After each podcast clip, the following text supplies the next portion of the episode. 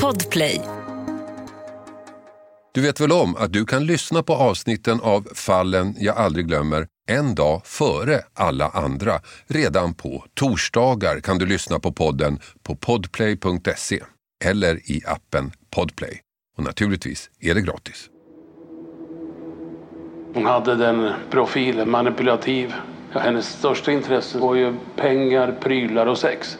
Hon var helt oberörd i princip. Hon visade ingenting, inga känslor eller något. Ja, otroligt eh, speciellt ärende. Det, vi kommer nog inte få vara med om något liknande. Man kan nästan tro att det är film ibland, men det är på riktigt och just att man vet att det får sådana konsekvenser som det kommer få. Utan den här infiltrationen så hade man aldrig klarat upp den här brottsligheten. Vi var ju fast beslutna om att inte sluta leta förrän vi hade hittat honom. Man lyckades rädda två barn från pågående övergrepp. Så springer de här misstänkta in i skogen och gör sig av med i stort sett alla sina kläder. Fallen jag aldrig glömmer. Podden som inte handlar om förövarna, som inte handlar om brottsoffer, utan som handlar om de som gjorde sitt jobb och löste brotten. Den nya Arboga-kvinnan.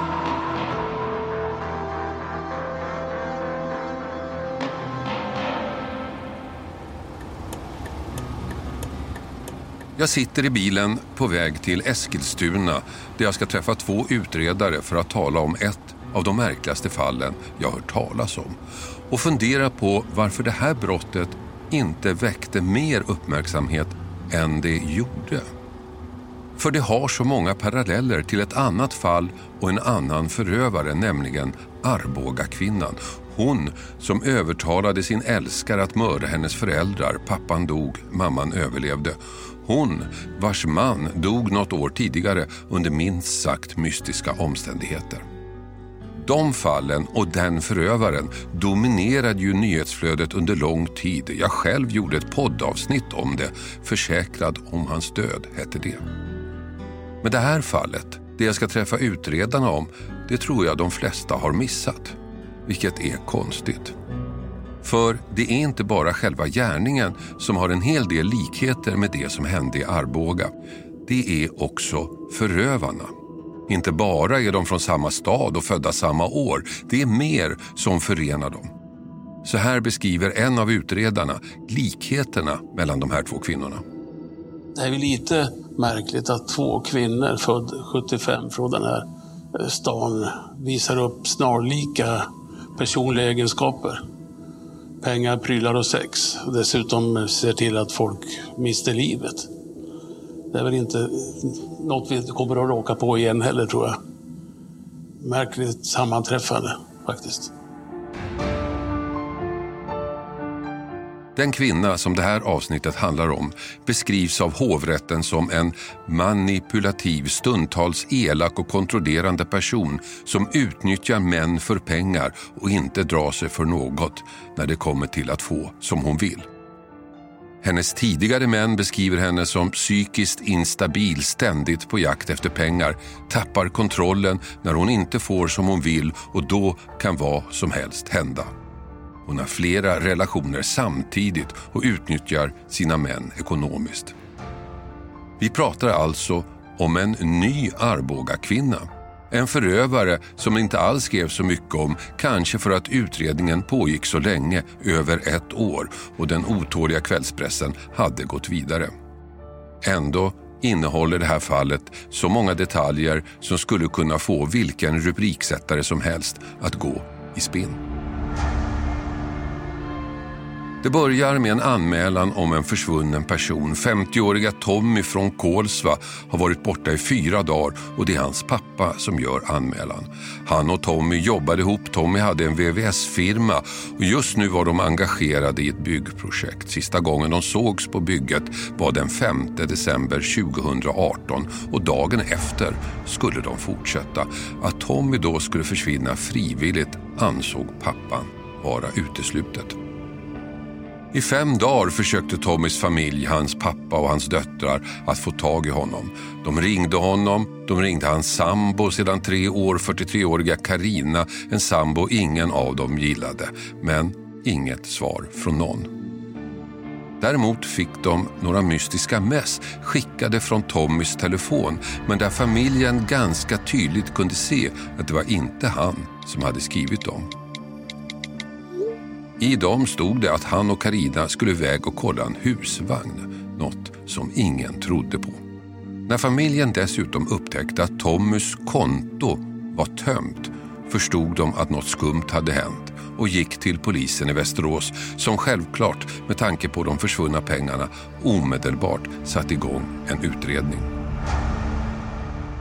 Så här berättar Thomas Tellebro som så småningom blev ansvarig för utredningen. I det här läget var han inte inblandad, men när han tog över läste han in sig. Under den här tiden mellan 5 och 10 december så sker det rätt underliga saker. Man kan konstatera att det plockas ut 200-300 000 kronor åtminstone från hans konton, företagskonton. Man skickar in till Bolagsverket tror jag om en ändring att Tommy och hans mamma ska inte ingå i styrelsen i de här företagen utan det ska skrivas över på Karina. Det lyckas man nog hejda. Utöver det så är det ett antal konstiga sms eh, som inte riktigt stämmer. Dottern får ett sms som hon säger, det där är inte pappa som har skrivit. Han, han brukar aldrig skriva så. Även Tommys pappa får sms. Man söker honom och de skriver att vi är uppe i och tittar till husvagnen. Vi kommer, kommer tillbaks efter helgen. Jag behöver vara lite ledig. Och det var också en konstig för de hade bestämt, eh, för de håller på med sitt bygge där och de skulle jobba på. Och väldigt snart kom det fram fyra mycket märkliga detaljer. För det första, pengarna från Tommys konto hade förts över till hans sambo Karina. Det hade skett vid flera tillfällen. Första gången den 6 december, alltså dagen efter försvinnandet. För det andra, Bolagsverket hade fått in en ansökan om att Tommys företag skulle skrivas över på sambon. Namnteckningen var av allt att döma förfalskad. För det tredje, fem dagar före försvinnandet hade Tommys sambo Karina ensam flyttat till ett hus hon hyrt i Bälgviken i Sörmland. Tommy däremot bodde kvar i Kolsva i Västmanland och det här var ingenting Tommys familj hade någon aning om. Och för det fjärde, Sista gången Tommys mobil var uppkopplad var just i Bälgviken där Karina hade hyrt ett hus. Ett ställe Tommy aldrig varit på tidigare och efter det dog telefonen. Abonnenten du söker kan inte nås för tillfället. Fyra väldigt märkliga omständigheter. Slutsatsen kunde bara bli en enda. Sambon Karina måste höras. Problemet var att hon inte gick att få tag på. I fem dagar försökte polisen kontakta henne utan att lyckas. Men så, plötsligt stod hon där självmant på polisstationen i Västerås. Hennes berättelse håller inte ihop. Hennes förklaringar är inte trovärdiga om pengarna, om försöket att ta över bolaget, om vart Tommy tagit vägen. Det var mycket som inte stämde, ansåg åklagaren och anhöll henne misstänkt för människorov. Hon hade mycket att redogöra för, det förstod utredarna. Faktiskt mycket mer än vad de insåg i det här läget. Och eftersom hon vid det här tillfället nu flyttat till Sörmland tar utredarna i Västerås kontakt med polisen i Eskilstuna. Den som svarar är Lars Fransén. Då var han gruppchef för grova brott i polisområdet. Det här blir hans sista stora fall. Han pensionerar sig efteråt och ett av de märkligaste han varit med om. Alltså, som jag minns det nu så var det att eh, kollegor hörde av sig utifrån Bergviken och jag tror det var Västerås som själva ringde. De berättade att de hade trassel med en kvinna på Västmanlandssidan som eh, var misstänkt för eh, att hon hade tömt sin sambos eh, bolag på en oerhörd massa pengar. Och sen var, utredde de då för tillfället försvinnandet av den här mannen. Han var egen företagare, om det var VVS-branschen och sånt där. Det är den 17 december 2018. Polisen i Västerås utreder alltså ett försvinnande eller ett misstänkt människorov plus förskingring. De har ju den misstänkta anhållen sedan i förrgår och nu behöver de hjälp av Eskilstuna polisen. Men mitt under samtalet, när Lars pratar med sin kollega, händer något. Något som kommer att ställa allt på ända. Och när jag sitter och pratar där, då har jag ju upp på skärmen här, så ser jag att det kommer upp ett ärende i Hedlandet, inte så långt därifrån. En anträffad eh, uppbränd bil med en, eh, en spår av en människa i. Ibland är verkligheten så märklig att det kan vara svårt att ta in. För mitt under samtalet med Västeråskollegorna dyker det alltså upp ett meddelande om en händelse på Lars dataskärm. En händelserapport, en rapport om en utbrunnen bil som hittats. Och i bilen finns rester av en människa. Och Lars känner direkt att det här fyndet har med Tommys försvinnande att göra. Ett försvinnande han precis sitter och pratar med Västeråspolisen om. Det var så pass nära, det var några kilometer bara. Ett par över skogen dit. Så att eh, jag antog, jag chansade. Men det var rätt.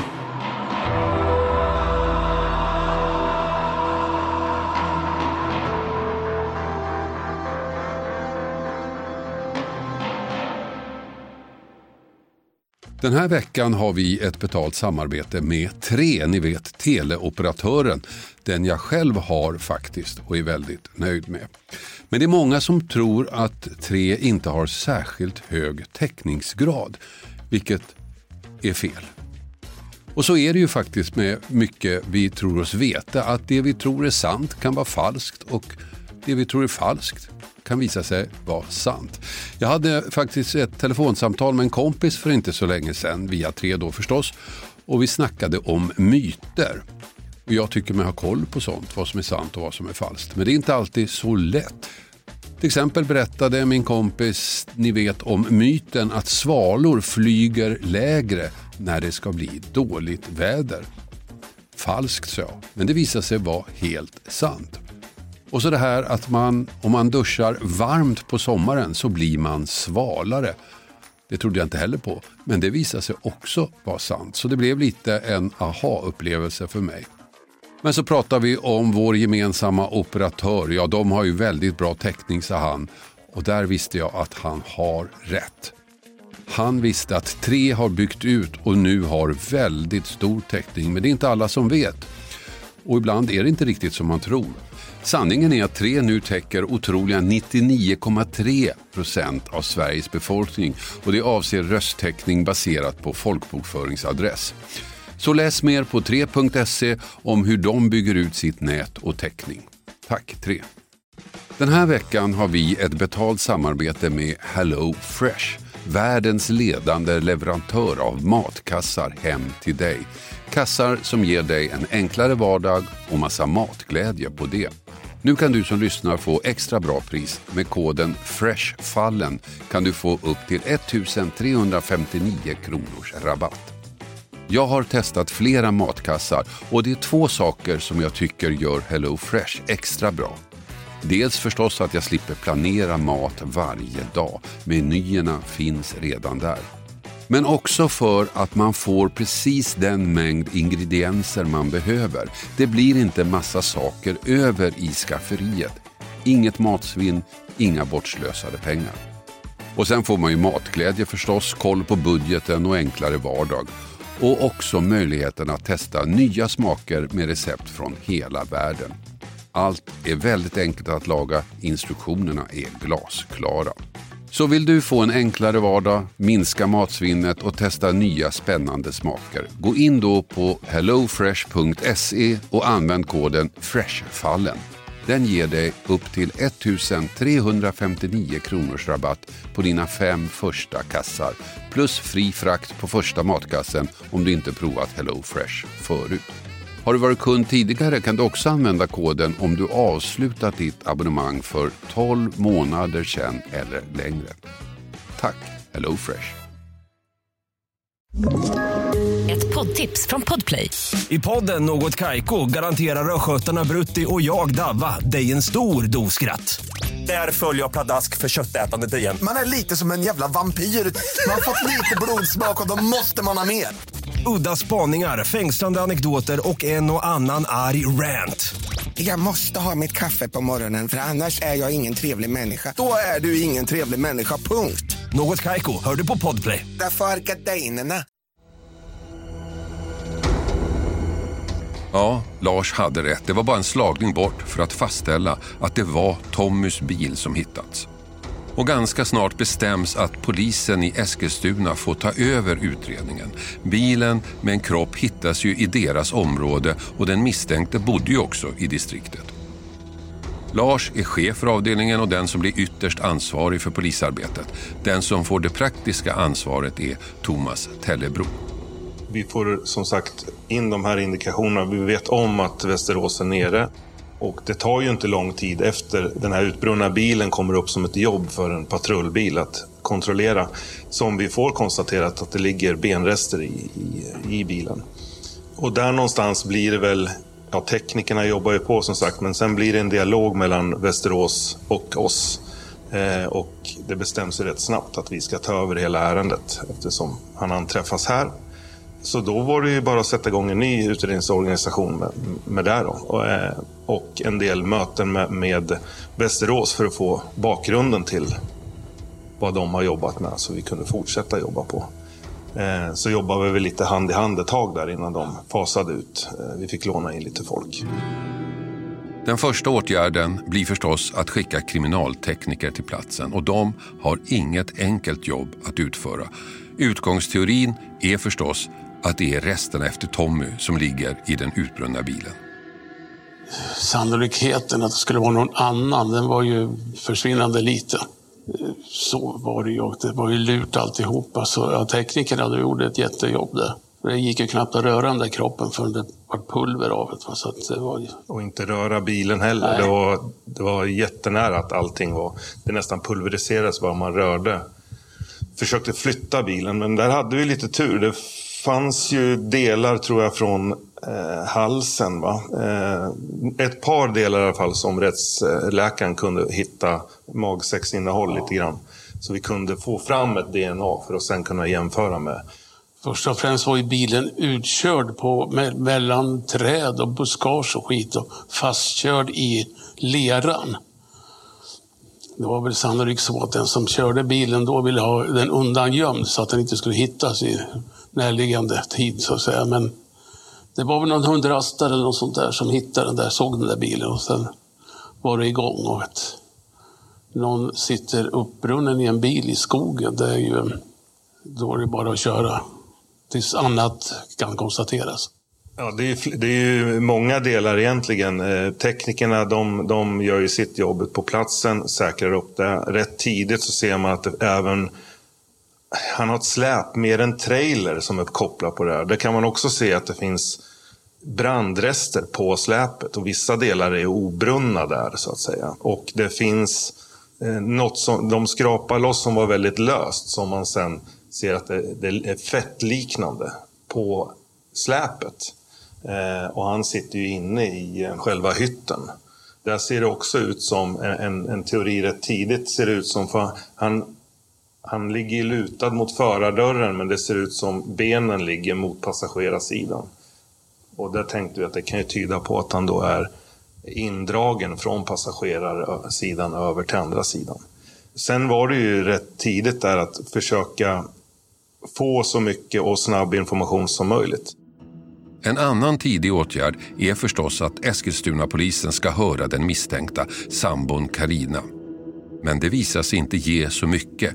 Det blir en märklig erfarenhet för utredarna. Till början var det ju rätt roligt med henne. Va? Det var någon, hon pratade med män. Hon är en manipulativ kärring där. Så. Eh, men hon förnekar ju all kännedom om någon brottslig verksamhet och så vidare. Men eh, så småningom så fick vi en eh, profil på henne av GMP som rekommenderade att vi skulle ha kvinnliga förhörsledare. Och från den stunden så slänger hon igen sin käft och hon är fortfarande tyst. Två, tre, tre år snart. Mm. Det var bedömningen av, av gärningsmannaprofilsgruppens proffs där. Att hon hade den profilen, manipulativ. Ja, hennes största intresse var ju pengar, prylar och sex. Den tekniska undersökningen visar att det finns människofett och brandrester på släpet på bilen och en kropp i den. En kropp som visar sig mycket riktigt vara försvunna Tommy. Men ingenting som visar hur han dött. Nästa plats att undersöka är förstås Karinas hem. Ett hus hon hyrt och där nästan ingen visste att hon bodde. Och där görs en mängd olika fynd. Och vad vi letar efter det får vi lite från den tekniska undersökningen, bland annat från jordkällan. När man initialt bland annat tror att, att man har bytt ut golvbrunnen för den ser helt splitterny ut. Men då ser vi att det är en fast gammal golvbrunn. Och då, då förstår vi när vi får in vad har hon handlat på sitt konto när hon handlar bland annat sex flaskor klorin och det, menar, det, det bleker ju det där så det ser ju nytt ut. Va? Eh, det här panikrenoveringen i, i jordkällan, det får vi också på bild och på hennes konton att hon har handlat färg, slipmaskiner, hon hafsar över det där, det ligger liksom eh, löv kvar på golvet som hon målar över bara. Eh, så den blir jätteintressant. Så samtidigt som man gör nya undersökningar i jordkällan, bland annat med en likhund och tekniker visuellt, eh, så jagar ju vi liksom för, för, att kartlägga henne, både via telekommunikationen, då, hur har hon rört sig, hennes telefon, eh, eller telefoner eftersom hon hade totalt tre, varav två vi inte återfann någon gång. De, de har ju kastat iväg någonstans. Eh, vi tänker nog rätt tidigt att hon har förvarat Tommy där inne innan han eh, eldas upp helt enkelt. Och även övervåningen till en början la de ju ner, jag vet inte hur många timmar, våra tekniker, eh, i ett rum som var speciellt där hon också under den här perioden i panik vill jag säga lägger in en heltäckningsmatta.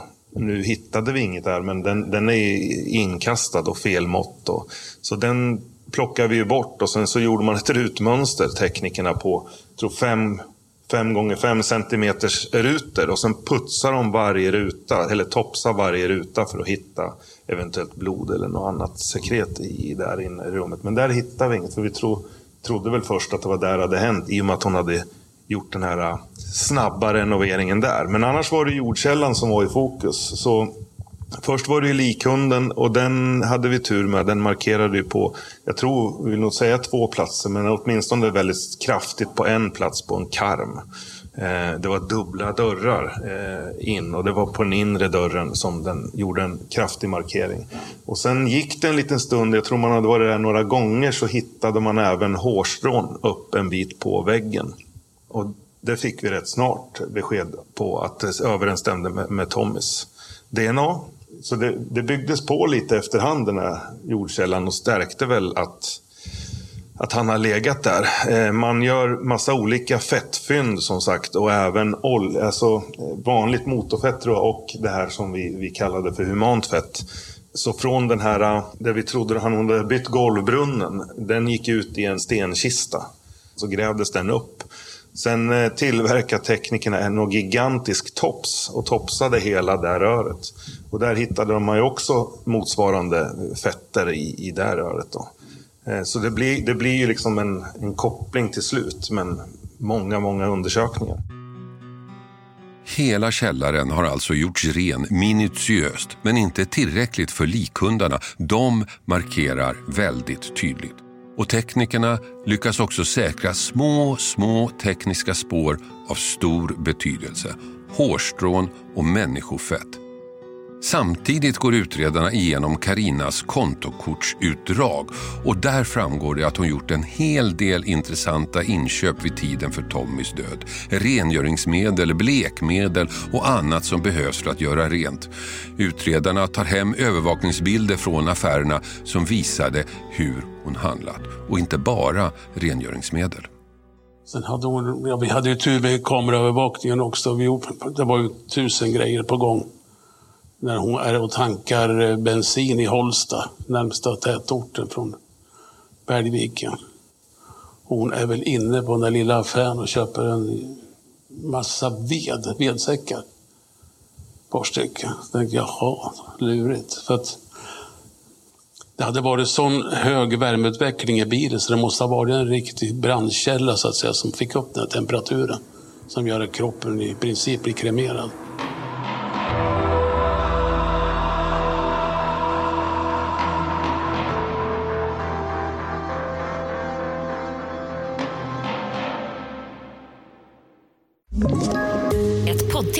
Podplay.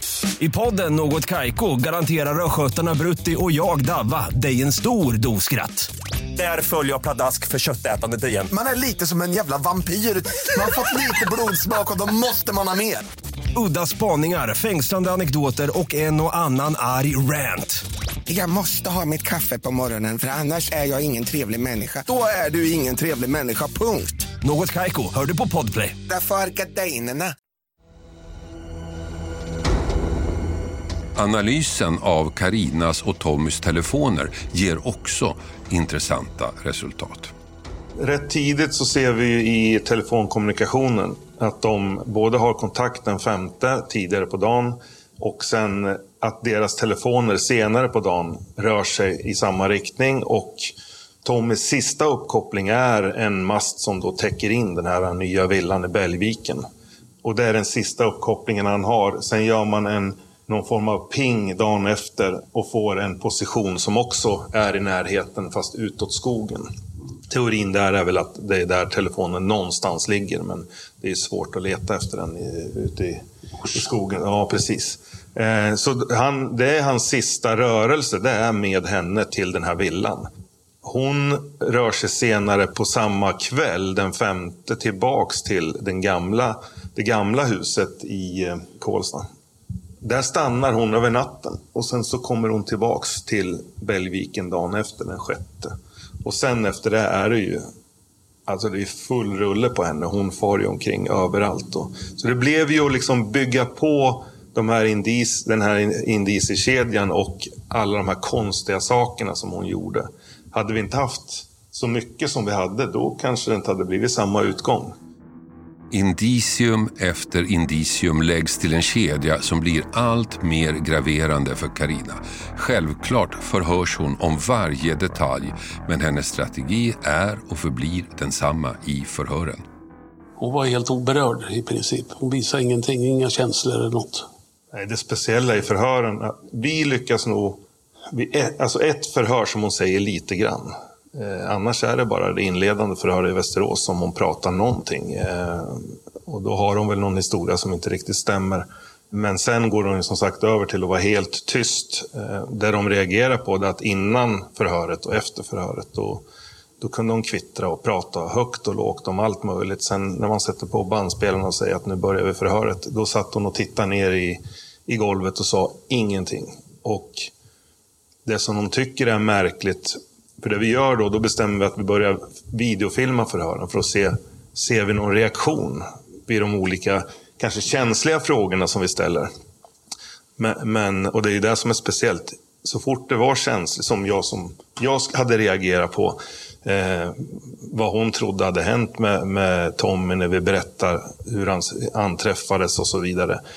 Ingenting. Men däremot så kunde hon reagera på helt triviala saker. En beställning som är gjord som nej, den har jag inte gjort. Då, då, då kunde hon bli arg och, och få en rätt stor reaktion på det. Men det som var liksom det makabra, det är inte en reaktion. Hon frågade inte någon gång om Tommy. Så är mycket speciellt. Utredningen pågår långt över ett år och alla inblandade är väldigt engagerade. Utmaningen är enorm och trots allt arbete så hittas inte det där avgörande beviset. Det som absolut inte går att snacka bort.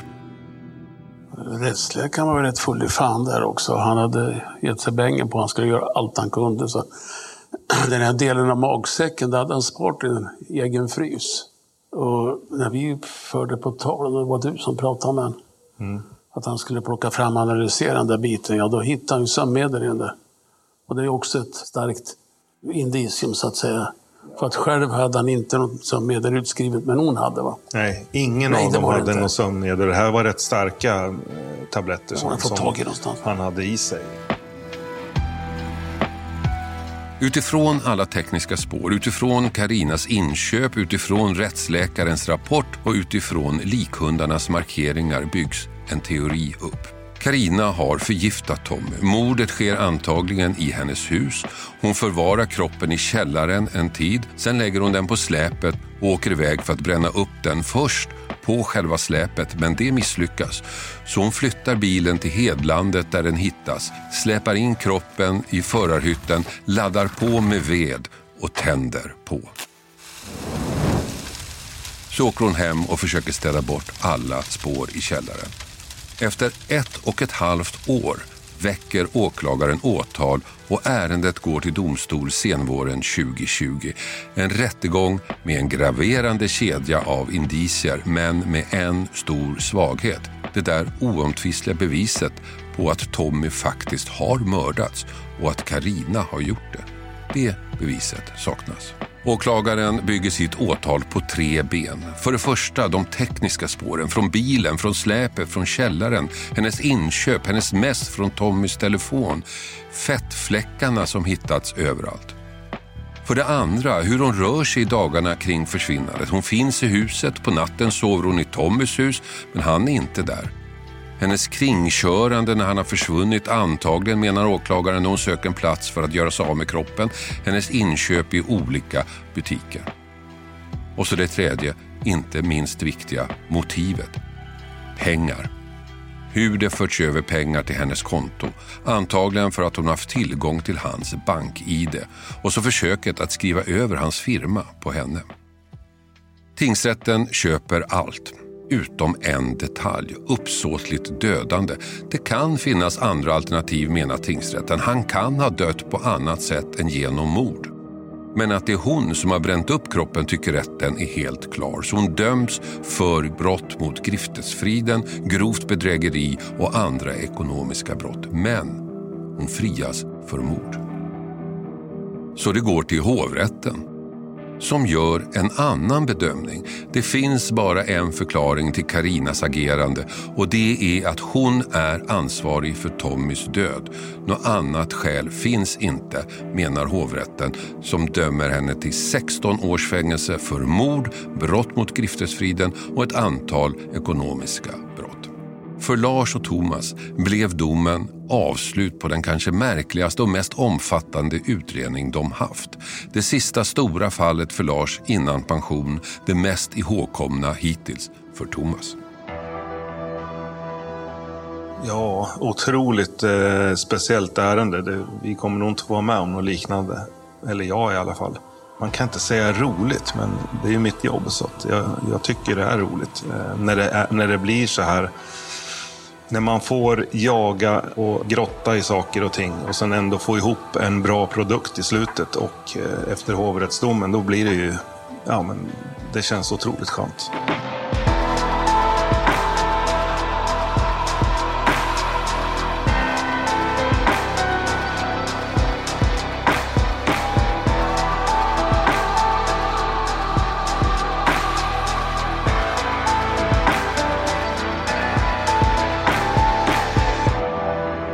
Du har hört podden Fallen jag aldrig glömmer. Klippning David Davva Persson. Och jag heter Hasse Aro.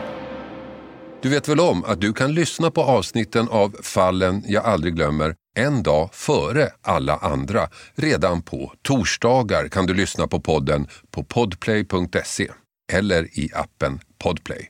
Och naturligtvis är det gratis. Podplay, en del av ett poddtips från Podplay. I podden Något Kaiko garanterar östgötarna Brutti och jag, Davva, dig en stor dos skratt. Där följer jag pladask för köttätandet igen. Man är lite som en jävla vampyr. Man har fått lite blodsmak och då måste man ha mer. Udda spaningar, fängslande anekdoter och en och annan arg rant. Jag måste ha mitt kaffe på morgonen för annars är jag ingen trevlig människa. Då är du ingen trevlig människa, punkt. Något Kaiko, hör du på Podplay. Därför är gardinerna.